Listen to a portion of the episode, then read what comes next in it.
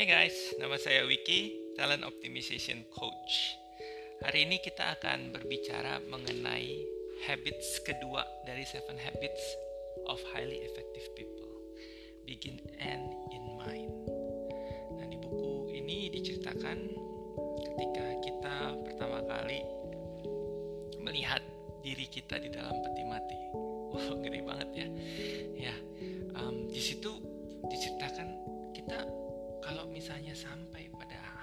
akhir kita di bumi ini, kira-kira kita pengen dengar apa sih dari keluarga kita, ya dari istri kita, atau dari suami kita, atau dari anak-anak kita, dan apa sih yang kita ingin dengarkan dari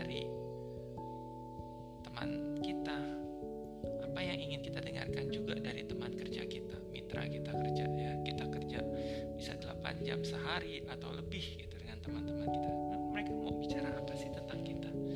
Dan yang terakhir juga dengan komunitas kita ya, eh, komunitas agama kita juga kira-kira mereka ngomongin kita apa sih? Kita aktif, tidak aktif, kita membantu atau tidak gitu ya.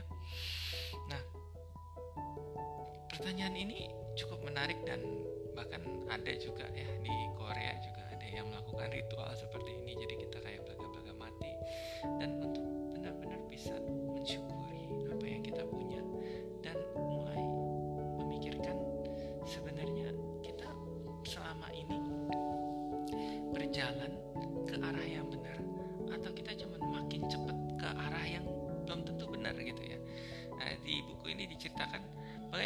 bayangkan kalau misalnya kita taruh tangga gitu ya di tembok kita buru-buru belajar untuk naik tangga secepat mungkin. Pas sampai di atas tembok kita lihat ups temboknya salah gitu ya. Kenapa kita nggak spend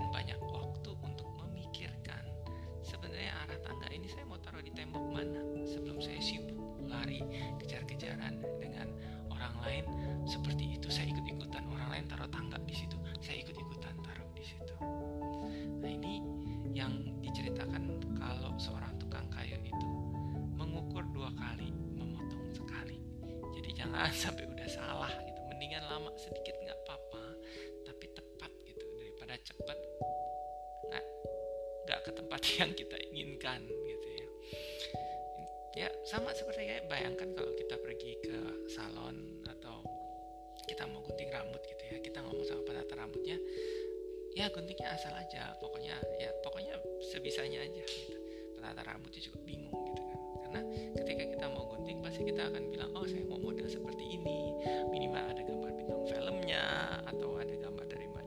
dan sebagainya yang kita mau tunjukin gitu kalau ini loh rambut yang saya mau guntingnya seperti ini gitu. Nah kalau kita gunting rambut aja yang mudah aja kita ada visi ya kok dalam kehidupan sehari-hari kadang-kadang kita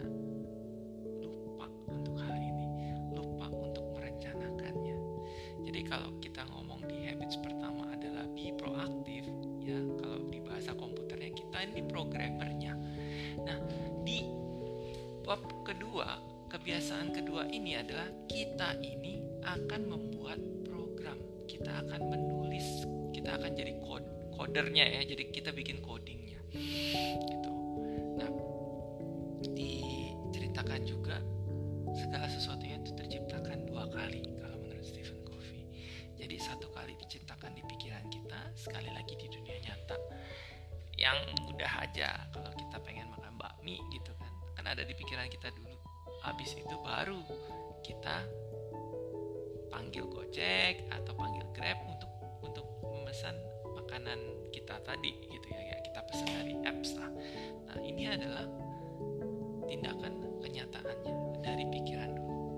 Jadi kalau misalnya di kenyataan tiba-tiba ada itu kebetulan segala sesuatu harus dua kali nah apakah kita udah melakukan pikiran kita dengan mindset yang benar sini juga diceritakan kita center kita untuk melakukan ini.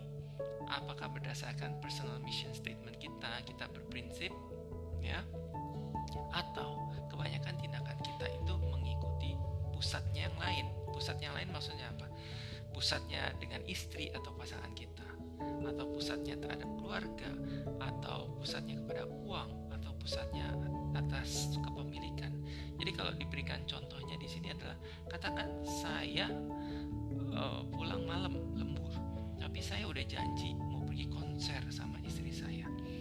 Kalau saya punya pusat adalah pasangan saya, pasti saya tinggal kerjaan lembur itu. Langsung saya temenin istri saya konser.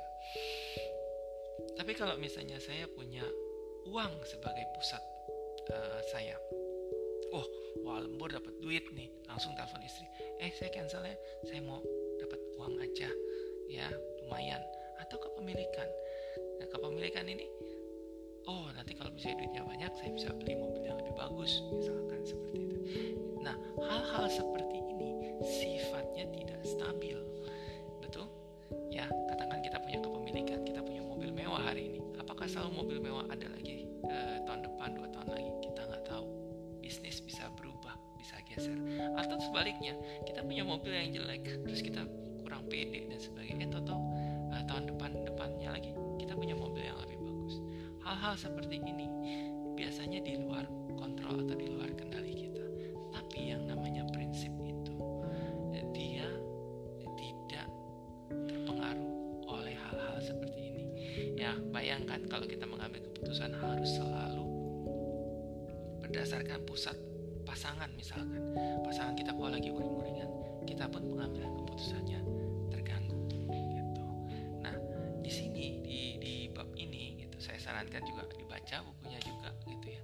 Ditawarkan bagaimana kalau kita punya yang namanya center kita, pusat kita adalah prinsip gitu. Ada value-value tertentu di situ sesuai dengan personal mission statement kita. Katakan seperti uh, kejujuran gitu. Saya selalu berbuat dengan kejujuran atau saya mendengar dulu lebih banyak dibandingkan saya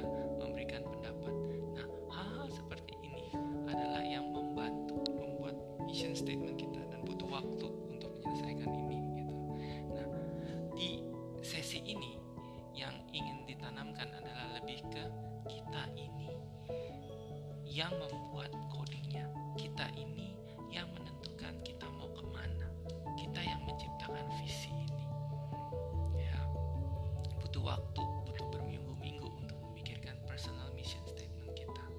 Nah, ketika kita udah dapat, kita tidak mudah goyah dengan situasi keadaan.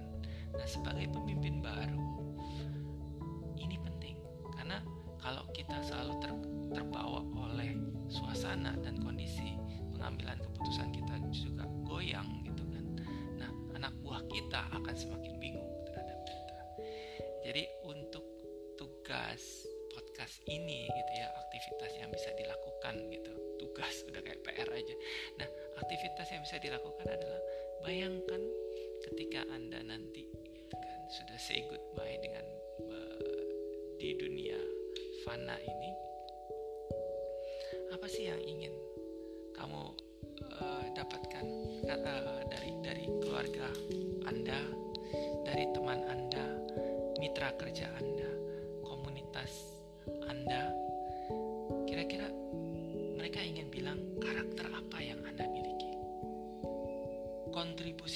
yang anda miliki.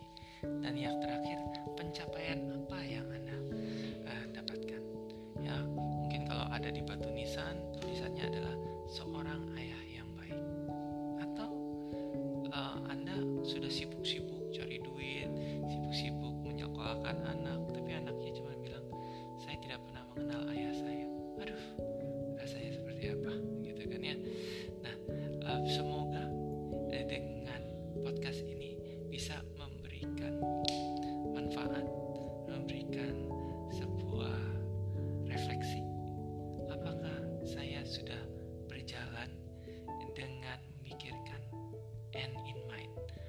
saya sudah memulai sesuatu dengan visi yang jelas.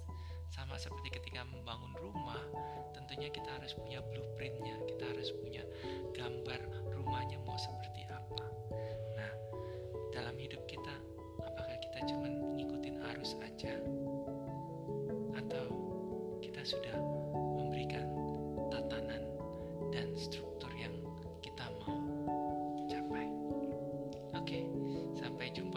di.